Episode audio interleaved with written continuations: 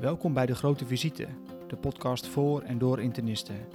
In deze podcast van de Nederlandse Internistenvereniging bespreken we actualiteiten, casuïstiek, richtlijnen en overige internistisch relevante materie. Welkom, mijn naam is Dorrit Kluishuis, podcasthost bij De Grote Visite, de podcast voor en door internisten. Want we horen onszelf immers zo graag praten. Deze podcast wordt live opgenomen vanaf de Internistendagen 2023. Bij mij aan tafel zit mijn co-host Lara Hessels. En vandaag spreken wij Helene de Leeuw, internist-hematoloog, over eosinofilie. Welkom Helene. Dank je. Voor we beginnen met de aflevering, even een vraag om je wat beter te leren kennen. Wat was je geworden als je geen internist was geworden? Dierenarts. Nou, die hebben we volgens mij nog niet gehoord. Hartstikke leuk. Ehm, ik denk dat het heel leuk is dat we vandaag gaan hebben over eosinofilie. Het is een onderwerp wat iedere internist denk ik wel een keertje ziet. En uh, behalve allergieën hebben we dan toch altijd veel vraagtekens wat het nog meer kan zijn. En om dat een beetje uit te diepen hebben we een uh, casus. En het gaat om een 60-jarige man die eigenlijk al, uh, al langer onder analyse is bij andere dokters in verband met pijn in de benen. Dat hebben ze geduid bij perifere vaatlijden en neurogene claudicatio. Hij is ook bekend met diabetes, hij heeft een stent in zijn aorta, hij heeft een CRBG gehad. En de casus begint eigenlijk als hij ligt opgenomen met een pyelonefritis voor de uroloog. Bij opname ziet de uroloog een eosinofilie, initieel van 3,3, maar tijdens de opname stijgen die eosinofielen dan naar 15. Mijn eerste vraag is eigenlijk aan jou alleen, wat vind je nou van 15? Zegt de hoogte van de eosinofilie nou iets over een onderliggende oorzaak of zegt dat eigenlijk helemaal niks? Nou, dat is meteen een goede, maar ook best een lastig te beantwoorden vraag. Um, uh, de mate van eosinofilie uh, die je tegenkomt in patiënten kan heel wisselend zijn. Um, en zegt helaas vaak vrij weinig over de onderliggende oorzaak. En eigenlijk ook vrij weinig over de ernst van het probleem en bijvoorbeeld het risico op orgaanschade. Als je bekijkt um, naar de klassificatie uh, die de uh, internationale werkgroep volgens de ICOG-EO heeft opgesteld uh, met betrekking tot eosinofilie, um, delen ze eigenlijk drie groepen qua hoogte van de eosinofilie in. Je hebt de uh, milde eosinofilie, uh, die tot maximaal anderhalf absoluut getal gaat. Matige eosinofilie, anderhalf tot vijf absoluut getal. En boven de vijf zou je spreken van een ernstige eosinofilie. Nou is het wel zo dat de milde eosinofilie uh, lijkt relatief vaak met een goede prognose gepaard te gaan en wat vaker voor te komen bij allergische aandoeningen, zoals bijvoorbeeld eczeem of atopische constitutie. Um, bij eosinofilie met een waarde van anderhalf of hoger, ja, kan het eigenlijk alle kanten op en moet je ook direct beduchter zijn uh, op orgaanschade van de eosinofilie.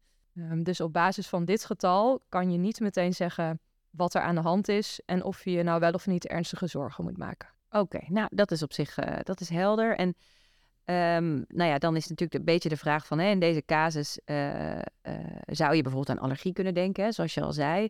Uh, want hij, hij ligt opgenomen en hij krijgt medicatie. Hij slikt misschien ook al wel medicatie voor zijn comorbiditeiten. Stel nou dat we zouden zeggen, um, we duiden het bij een allergie.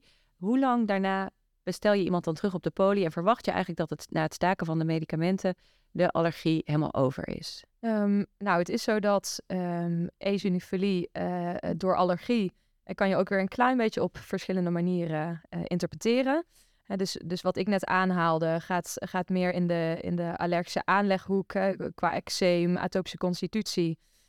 medicatie geïnduceerde eosinofilie um, lijkt eigenlijk weer een beetje een categorie apart te zijn. Um, waarbij je ziet dat de grootste verdachten uh, antibiotica betreffen. Dus daar zou je natuurlijk in deze casus, uh, die opgenomen is met een antibiotisch behandelde pyelonefritis, wel aan kunnen denken. Um, wat ik denk ik ook goed vind om te noemen, uh, is het ziektebeeld DRES. wat je ook in overweging moet nemen als je echt een zieke opgenomen patiënt tegenkomt met een eosinofilie die medicatie krijgt. DRES, voor degenen die dat niet weten, staat voor Drug Reaction with Eosinophilia and Systemic Symptoms. Systemic symptoms. En um, dat is een ziektebeeld waarbij als reactie op een medicamenteuze trigger een um, systemische reactie, vaak met koorts en ernstig ziek zijn en vaak met een uitgebreid huidbeeld ontstaat. Um, en daarvan zijn uh, de bekendste triggers uh, onder andere allopurinol en bepaalde anticonvulsiva. dus dat is ook wel iets belangrijk om in de gaten te houden. Dat ontstaat eigenlijk ongeveer twee tot acht weken na um, start van medicatie meestal. Ehm, en dat herstelt vaak snel als je de verantwoordelijke medicatie stopt. In minder uitgesproken gevallen Ehm, is het tijdstip waarop eosinofilie uitgelokt door medicatie ontstaat, uh, kan variabel zijn. Je ziet het vaak vrij snel naar start. Uh, maar er zijn ook case reports beschreven van mensen die bijvoorbeeld pas een eosinofilie ontwikkelden bij reintroductie van een medicijn. Um, als je een potentieel verantwoordelijk medicijn stopt, zou ik iemand na een week of vier terugbestellen op de poli om te bekijken of de eosinofilie hersteld is. En um, dat heeft er ook wel een beetje mee te maken dat uh, de definitie van hypereosinofilie, zoals die ook weer door die internationale werkgroep is opgesteld, eigenlijk is dat je het ook twee keer met een maand ertussen moet hebben gemeten. Dus dat is een beetje dubbel zinvol wat mij betreft, die vierweekse periode om af te wachten. Ja, nou dat is eigenlijk ook wat er gebeurd is in deze casus. Dus de uh, patiënt is uh, polyklinisch teruggezien en daar krijgen we dan een wat uitgebreidere anamnese. De patiënt vertelt eigenlijk geen klachten meer te hebben van zijn urinewegen. Maar wat wel opvalt is dat hij uideem heeft gekregen in de benen, waarvoor hij plastabletten van de huisarts heeft gekregen. Ook heeft hij sinds ontslag huidafwijkingen ontwikkeld, namelijk niet jeukende rode plekken op het bovenlichaam. Dat heeft hij ongeveer sinds twee weken. Verder blijft eigenlijk die pijn in de benen, waardoor hij een beperkte mobiliteit heeft. Bij een eerste screen, het lichamelijk onderzoek, worden eigenlijk geen duidelijke afwijkingen gevonden. Geen vergrote milt of lever, geen uh, afwijkende lymfeklieren en behalve dus die rode uitslag geen andere huidafwijkingen. In deze casus heeft de patiënt um, nou ja, eigenlijk alleen de huidafwijking waar je op af kan gaan. Maar wat zijn nou bevindingen in, het, uh, in de anamnese lichamelijk onderzoek ja, wat jij belangrijk vindt bij de eosinofilie? Um, wat ik denk dat altijd belangrijk is om voor ogen te houden, dat geldt bij evaluatie van de eosinofilie, maar dat geldt natuurlijk um, bij een heleboel problemen die wij als internisten tegen kunnen komen is na blijven denken, wat kan er hier allemaal aan de hand zijn? Mm-hmm. nou, eh, als je een vorm van kapstok gebruikt om daarover na te denken, is dat denk ik altijd goed. Wat ik zelf in het kader van eosinofilie handig vind, is um, uh, het aanhouden van de klassificatie, uh, de, de ICOG-EO-klassificatie, zoals die in 2011 ook weer door die internationale werkgroep die ik net al aanhaalde is opgesteld. En dan worden um, eosinofiele uh, afwijkingen worden eigenlijk in vier groepen gecategoriseerd. Uh, je hebt um, de familiaire eosinofiele aandoeningen. Je hebt de reactieve eosinofiele aandoeningen. Dat is dan meteen weer een hele uitgebreide groep uh, met als voornaamste subonderdelen infecties, allergische aandoeningen en onderliggende auto-immuunziekten en maligniteiten met een reactieve eosinofilie. Uh, je hebt de neoplastische eosinofiele aandoeningen. Um, en, en dan uiteindelijk nog een restgroep of undetermined significance. En als je dat in gedachten houdt, nou dan merk je al, ja, dan is er toch een heleboel wat belangrijk is in die anamnese en bij het lichamelijk onderzoek. Um, dus ja, ik, toen ik uh, deze casus nog eens opnieuw aan het voorbereiden was, dacht ik, ja, eigenlijk is dit natuurlijk gewoon een van de perfecte internistische problemen om te mogen tackelen. Als, als uh, breed georiënteerd en geïnteresseerd internist, want je moet overal aan denken. Ik denk echt de highlights in de anamnese zijn dus wel echt uh, medicatie, maar ook kruiden of alternatieve middelen exposure. Um, reisanamnese voor infecties, want met name de worminfecties zijn berucht familieanamnese voor eventuele zeldzame erfelijke aandoeningen die met eosinofilie gepaard kunnen gaan.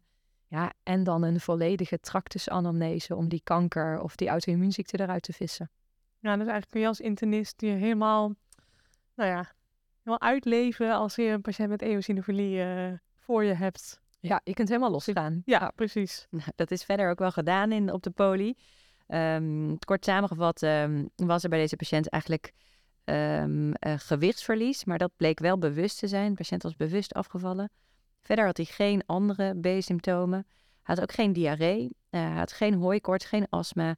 Er was geen sprake van eczeem, geen afwijkende familieanamnese um, en geen recente medicatiewijzigingen of andere tropische kruiden, om zo maar te zeggen.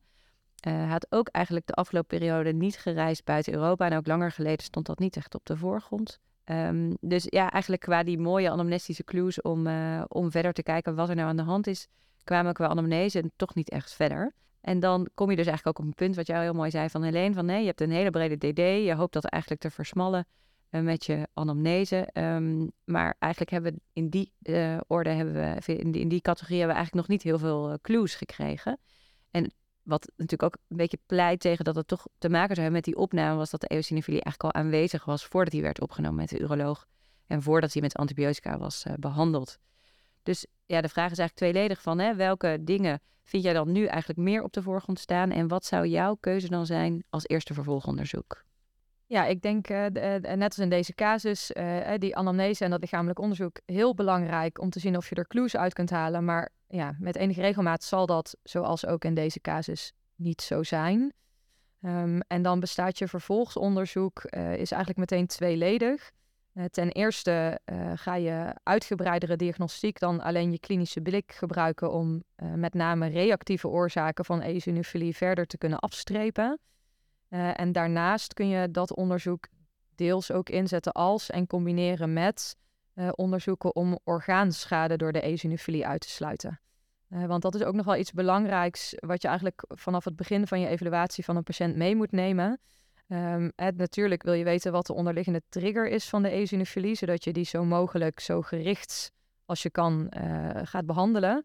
Um, maar daarnaast wil je weten, is er op dit moment een teken van orgaanschade door eosinofiele infiltratie bij mijn patiënt? Want dat bepaalt ook heel duidelijk de haast die je hebt met je analyse en je behandeling. Um, daarmee kun je dan overigens ook weer een, uh, een klassificatieonderscheid uh, maken. Want op het moment dat we uh, dat is een eosinofiele getal boven de anderhalf zien, zonder tekenen van de orgaanschade, noem je het gewoon hypereosinofilie op het moment dat je tekenen van orgaanschade hebt, dan spreek je ook echt van een hypereosinofiel syndroom. Uh, dus dat is ook wel belangrijk om dat onderscheid te maken. Um, ja, wat je dan gaat doen is een uitgebreider laboratoriumonderzoek uh, met onder andere infectieuze en auto-immuunserologie. Uh, er wordt over het algemeen in richtlijnen geadviseerd om een CT-thorax-abdomen te maken. En dat is dus zowel om orgaanschade, zoals bijvoorbeeld pulmonale infiltraten, uit te sluiten, als om uh, verder te zoeken naar een onderliggende trigger, zoals bijvoorbeeld een lymfoom. En er wordt ook geadviseerd om uitgebreider cardiale screening te doen, omdat het hart met enige regelmaat betrokken is bij orgaanschade door eosinofiele infiltratie en dat ook best een hoge mortaliteit heeft. Um, en dan wordt aanbevolen om troponines te bepalen en om een echo van het hart en een ECG te maken. Oké, dus, dus aan de ene kant nog onderzoeken om, uh, om de oorzaak te achterhalen. En aan de andere kant onderzoeken om toch te kijken van nou, als er dan zo'n hypereosinofiel syndroom is, welke organen zijn daar dan al bij betrokken? Nou, dat is hier ten dele ook uh, zeker gedaan. Dus een uitgebreider bloedonderzoek laat dan eigenlijk een milde anemie zien met een HB van 7,7. Normale trombocyten. De eosinofielen zijn uh, nog steeds 15 en de neutrofielen zijn ook 15, maar die zijn wel wat gedaald sinds de opname. Hij heeft een laag CRP, eigenlijk normale nier- en leverfunctie en eigenlijk ook een normaal calcium. Dan is ook de ontlasting onderzocht. De protozoa-PCR is negatief. Ook het onderzoek op wormen en eieren is negatief. Dus daar vinden we geen aanknopingspunten. Maar dan is er ook nog wel serologie ingezet. Serologie naar Toxacara, die is negatief. Maar serologie naar Ascaris is positief. En er is ook meteen een CT-scan gemaakt, eigenlijk uh, in lijn met wat jij voorstelt. Daarin worden dan lichter vergrote mediastinale en hilaire lymfeklieren gezien, maar die kunnen mogelijk nog reactief van aard zijn en een hele geringe hepatosplenomegalie zonder verder afwijkingen in de buik. Bij deze, in deze casus uh, is er uh, uh, gekeken dan naar hè, Toxocara en Ascaris. Ehm, ik voel me af, een hè, Ascaris, wat is dat ook alweer? En zou je in deze casus eigenlijk ook geen, ik vind het altijd een rotwoord, nog chirurgie willen inzetten naar strongyloidosis? ja, nou, terecht punt. Zowel uh, het inhoudelijke punt als dat de naam lastig uit te spreken is. Um, de, de Ascaris-serologie die wij positief vonden om daar even mee te beginnen. Uh, Ascaris, uh, en ik moest dit ook even opzoeken hoor, maar is een spoelworm um, die met name in de tropen en de subtropen voorkomt, maar die met name uh, voorheen toch ook wel met regelmaat in Nederland en België werd aangetroffen. Um, en um, hij wordt overgebracht doordat als je in contact komt met besmette ontlasting in, on, in de omgeving, hè, dus bijvoorbeeld in de tuin werken of mm -hmm. vervuild water, dat soort zaken. Um, we zien het in Nederland niet zo heel vaak meer, maar het, het kan dus wel voorkomen. Um, uh, de strongyloides uh, daarentegen is echt meer een, een importwormziekte, um, uh, die we in principe in Nederland niet zien. maar die door migratie en bijvoorbeeld vluchtelingentoestroom in de afgelopen jaren uit tropische gebieden toch ook vaker in Nederland wordt gezien. Waarbij we natuurlijk niet helemaal kunnen uitsluiten dat er dan in Nederland ook besmettingen kunnen optreden. Um, dus ik denk de a priori kans op een Ascaris-infectie is denk ik iets hoger in Nederland dan um, op een Strongyloides-infectie. Uh, dit, dit zeg ik een beetje uh, uit, uit de losse pols, hè, dus de precieze incidentiecijfers heb ik daar niet van. Maar eerlijk gezegd denk ik dat uh, het niet inzitten van de Strongyloides-serologie toch vooral een omissie is geweest. Ja. Dat het over het hoofd is gezien. Precies. Nou, in ieder geval was de Ascaris was, uh, gevangen en behandeld. Uh, dus de patiënt heeft drie dagen mebendazol gekregen. Maar dat deed eigenlijk helemaal niks op de eosinofilie. Uh, dus nou, weer een aantal dingen afgestreept, denk ik. Maar ook nog steeds geen diagnose. Dus Helene, wat zou jouw voorstel zijn voor de volgende stap in de diagnostiek? Ja, als we de, de casus dan tot nu toe samenvatten, hè, dan hebben we dus een, een aanhoudende, een aanhoudende hypereosinofilie. Waarbij we um, redelijkerwijs um, de meeste reactieve oorzaken inmiddels hebben uitgesloten. Uh, maar waarbij we een uh, neoplastische hypereosinofilie uh, nog niet hebben, een neoplastische hypereosinofilie nog niet hebben uitgesloten. Um, en met een neoplastische hypereosinofilie bedoelen we dus dat de eosinofilie onderdeel is van een maligne kloon. Ook daar zijn weer verschillende onderliggende aandoeningen mogelijk. Um, maar, maar, dat het een klonaal probleem is, dat hebben zij dan allemaal gemeen. Um, wat een hele specifieke groep is binnen die uh, neoplastische hypereosinofilie. Uh, dat zijn de hypereosinofilieën met een PDGFR-A of PDGFR-B uh, genherschikking. Um, en in principe zou je daarnaar diagnostiek kunnen doen op perifere bloed middels PCR. In de praktijk, om ook de overige overwegingen van een neoplastische HES, zoals uh, toch een acute myeloïde leukemie specifiek subtype, of bijvoorbeeld een myeloproliferatieve ziekte of een MDS, voldoende te kunnen uitsluiten, uh, zou ik in de praktijk nu gewoon overgaan op beenmergonderzoek. En dan bij het beenmergonderzoek naast morfologie, flowcytometrie en cytogenetica ook die moleculaire diagnostiek inzetten. Ja, nou dat is ook precies wat er is gedaan. Dus er is een beenmergonderzoek gedaan. Daar werd dan met name een sterke toename gezien van eosinofielen. Uh, in de beenmerg werd niet een andere beenmergaandoening gezien. Hè? Dus geen onderliggende myeloproliferatieve aandoening of aanwijzingen voor een, uh, voor een leukemie. Um, er is ook nog gekeken in het bloedonderzoek naar een tryptase in het kader van de mastocytose. Dat werd niet bij het gezien en dat was ook niet in het uh, bloedonderzoek aangetoond. En er is specifiek gekeken of er nog een T-celkloon zou kunnen zijn die de eosinofilie induceert, maar die was ook niet gevonden. Er is ook cytogenetica gedaan. Daar werd een, uh, een karyotype gevonden met een translocatie tussen de korte arm van 3 en de lange arm van 12. Maar belangrijker nog, die herschikking waar jij het over had, die PDGFRB, die werd gevonden. En daarmee uh, de diagnose dus ook gesteld van een hypereosinofiel syndroom gerelateerd aan die PDGFRB. Um, ehm, ja, wat, hoe werkt zo'n herschikking eigenlijk? En waarom word je daar dan ziek van uiteindelijk? Nou, voor zowel de PDGFRA als de PDGFRB-genherschikking um, houdt dat in uh, dat uh, door die herschikking er een fusietranscript ontstaat, um, wat voor een verhoogde activiteit in kinase pathway en daarmee in cell signaling pathways leidt, met ook een nog wat stabieler product dan als het gen normaal functioneert. Um, waardoor die pathways dus overmatig actief uh, blijven en continu celgroei en proliferatie stimuleren. Uh, waardoor je dus uh, het gevolg van een eosinofilie krijgt. En we hadden het al eerder even over die orgaanschade. Hè? Dus dat je bij zo'n hypereosinofiel syndroom kun je dus orgaanschade krijgen door de eosinofielen. Um, welke organen zie je nou vaak dat bij zo'n hypereosinofiel syndroom zijn aangedaan? Um, het allervaakst is de huid betrokken, in meer dan de helft van de gevallen. Um, uh, orgaansystemen die verder relatief vaak worden gezien uh, zijn uh, de longen en het maag-darmstelsel. Maar wat zich dan bijvoorbeeld klinisch kan uiten in diarree. Het hart, wat ik net al even noemde, om extra op te letten, is uiteindelijk in ongeveer 20% van de gevallen aangedaan.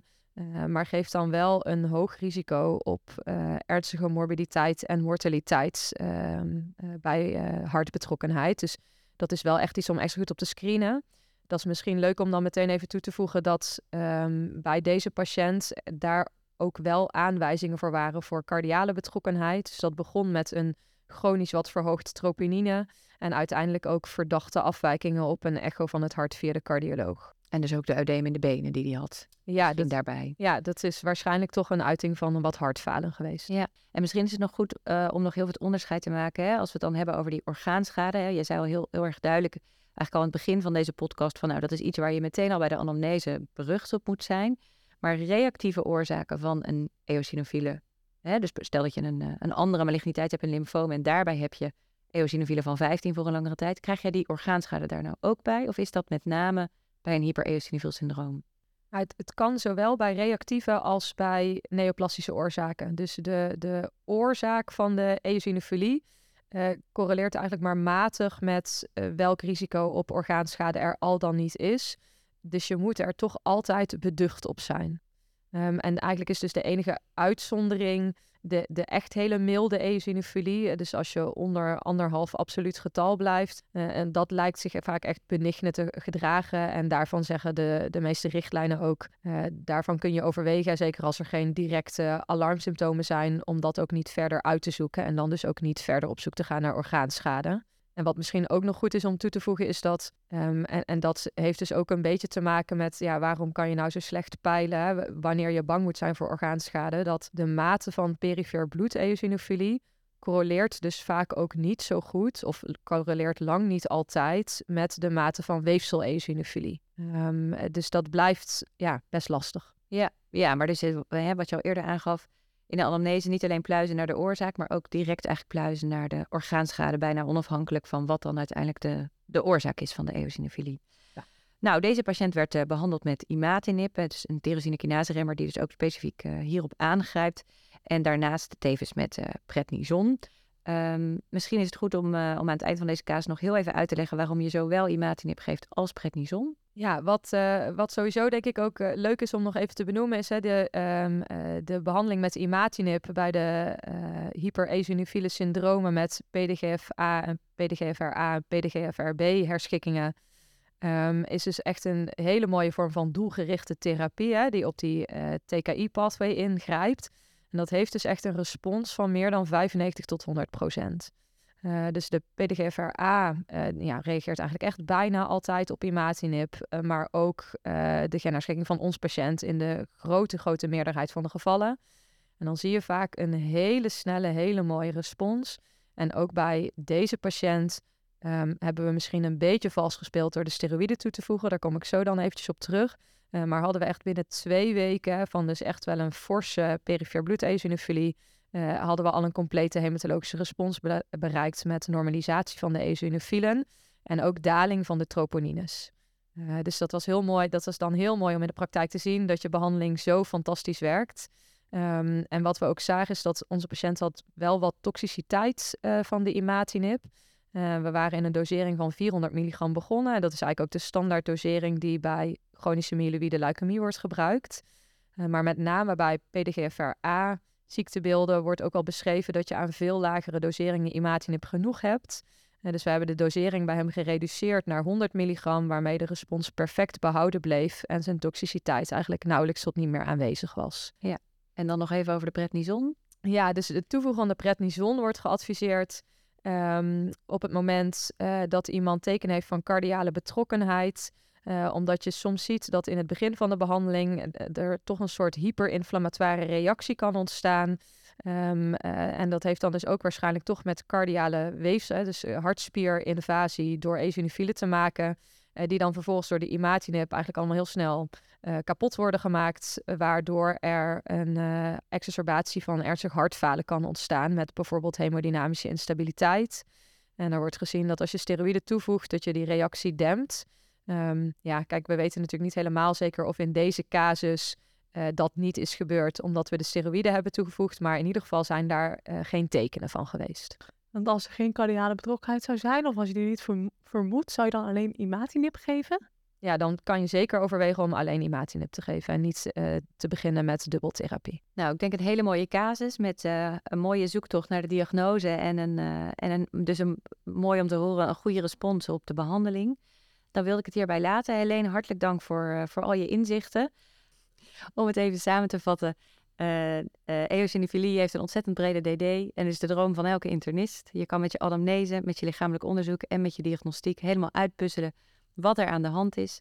En denk ik belangrijke leermoment van deze podcast is, denk ook meteen aan het begin, ook aan die orgaanschade. Uh, dankjewel voor het luisteren naar deze aflevering van De Grote Visite, een podcast van de Nederlandse Internistenvereniging.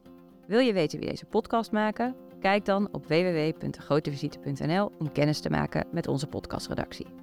De technische productie van deze podcast is in handen van Met Online. Abonneer je op De Grote Visite via je favoriete podcastkanaal, zodat je geen aflevering mist en deel deze podcast vooral ook met je collega's. En, vond je het leuk om te luisteren? Geef ons dan een 5-sterren review, zodat we ook beter te vinden zijn voor andere luisteraars. Tot de volgende keer.